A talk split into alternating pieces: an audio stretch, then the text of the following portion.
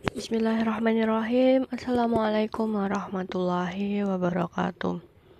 Hello guys, welcome to this podcast.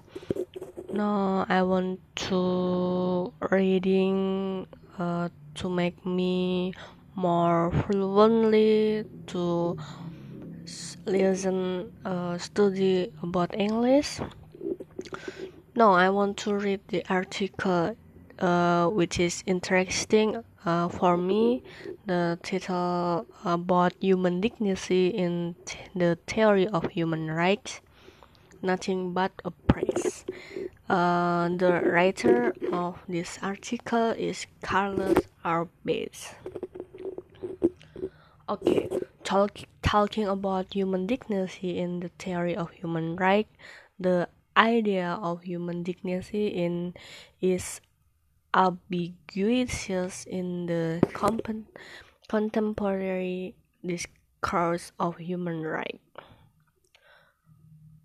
Although the frames of modern human rights decline to propose a philosophical view about their foundation, many friends of human rights believe that we cannot understand their special importance with the uh, grasp of the value of human dignity. On the other hand, it is easy to be suspicious of the idea the, that human dignity can do useful work in our thinking about the nature and basis of human rights. It makes sense that, for example, the human dignity is too abstract a value to be informative about the grounds of human rights, or that is it functions only as a kind of pointer to other values that carry to the weight in explanation their importance and content. Or one may, might be tempted by a more thought-provoking skepticism holding that the reference to human dignity in the documents are only ornamental. The appreciations of book-length studies by George Kateb, Michel Rosen, and Jeremy Waldron offered a chance uh, to consider what might be said about human dignity as an element in the justification of human rights. In doing so that uh, the writer motivated motivated in part by the inescapability of reference to the idea in the contemporary discourse of human rights and in part by a more general interest in the political theory of the subject. The motive, these motivations are complementary if one aspect that human rights constitutes a public normative practice, the one then one might think a theory of the practice should take seriously an idea that occurs so often in its public discourse. Eventually, one might hope for an account that clarifies the role in any that any an idea of human dignity plays in explaining the nature and significance of human rights. First, talk we need a better understanding on the idea of human dignity as it arises in the discourse of pra the practice. A natural first step is to look to the context from which the practice emerged. I have in mind in a particular movement for an international human rights declaration or treaty that developed in the interwar years as well as the immediate circumstance of the drafting of the own character and the Universal Declaration, whose reference to human dignity have been so influential in the subsequent public discourse. We should ask what might the inference from this context about the content of the idea of human dignity and its significance for the contemporary practice. Actually, that uh, thing can when we come to the war years when effort to promote the international protection of human rights accelerated. For the example Catholic, Jewish, and Protestant declaration on world peace issued by three American religious and organizations urged that the dignity of the human person as the image of God must be set forth in an international declaration. Right? The report of human rights of the influential Commission to Study the Organization of Peace description describes the repression of the human mind and conscience which marks the fascist state where human beings are little more than caught in a war machine as evidence that these regiments fail to respect their people as worth as human beings.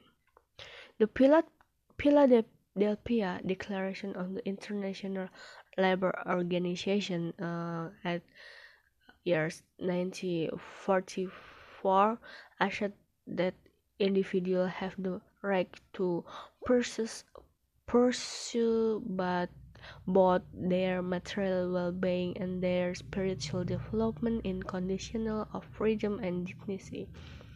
By that year too, Roosevelt had begun referring to dignity as a value for which the war was being took, but while we can observe a proliferation of reference in this period, period to human worth and human dignity, it is difficult to say how they were understood. The references are brief and invariably left without elaboration.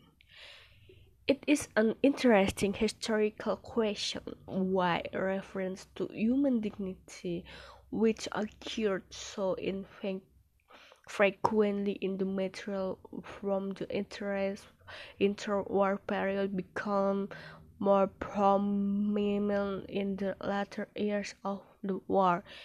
If that history has been written, I have not discovered it as a matter of armature speculation. There three three elements of the wartime context seems obvious. Fierce revolution against Nazi racial doctrines and the politicals to which they lead. A belief that world peace is threatened by regimes that do not treat their own people decently. Okay, Let's continue. What about the more immediately circumstance of the drafting of the founding document of the post-war human rights regime? How important was the idea of human dignity for its framers? This is a difficult question, but some might be set by what can be observed about the drafting historical of the own character and the Universal Declaration, whose reference to human dignity have been seminal. The most influence reference to human dignity in the post-war document occur in the preamble of the Charter in a passage holding the people of the United Nations determined to reaffirm faith in fundamental human rights, in the dignity and worth of the human person, in the equal rights of men and women, and of nations large and small.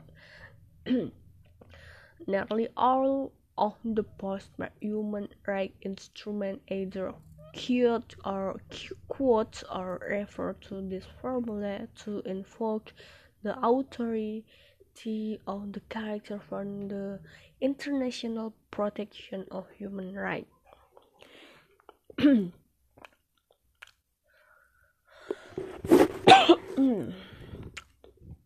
okay, let's come Uh, there is no reason to deny the historical observation, and we shall take up some themes in the history of talk about human dignity below.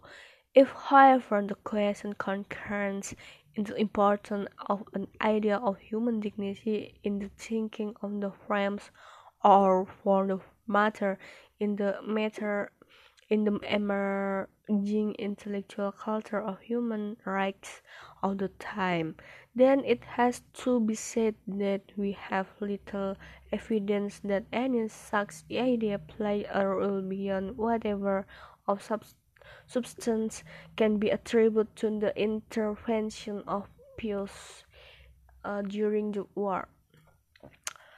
Moreover, uh, ex the extent of philosophical disagreement among the frames suggests that we are unlikely to discover a broader consensus about the meaning of human dignity, either in their own thinking or in their main source, almost certainly not one that could be formulated with sufficient precision to make it plausible that the catalogue of values presented in international human rights doctrine war was or might be derived from it. Derived. But this too might to be, be too simple. Perhaps we need more complex conception of normative normative change. Consider, for example, a suggestive remark or Jürgen Habermas, who held that an awareness of the meaning of human dignity emerged from historical experience of humanization and degradation in the post-Enlightenment years. The appeal of the human rights feeds on the archetype of the and at the violation of their human dignity. Although this may not be precisely your Habermas view, one thought is that an idea of human dignity has been imminent in the moral cultures of Western society, at least since, since the Enlightenment. The experience of war and Nazism, among other things, catalyzed a social process through which the idea was recognized and brought in stage into public use.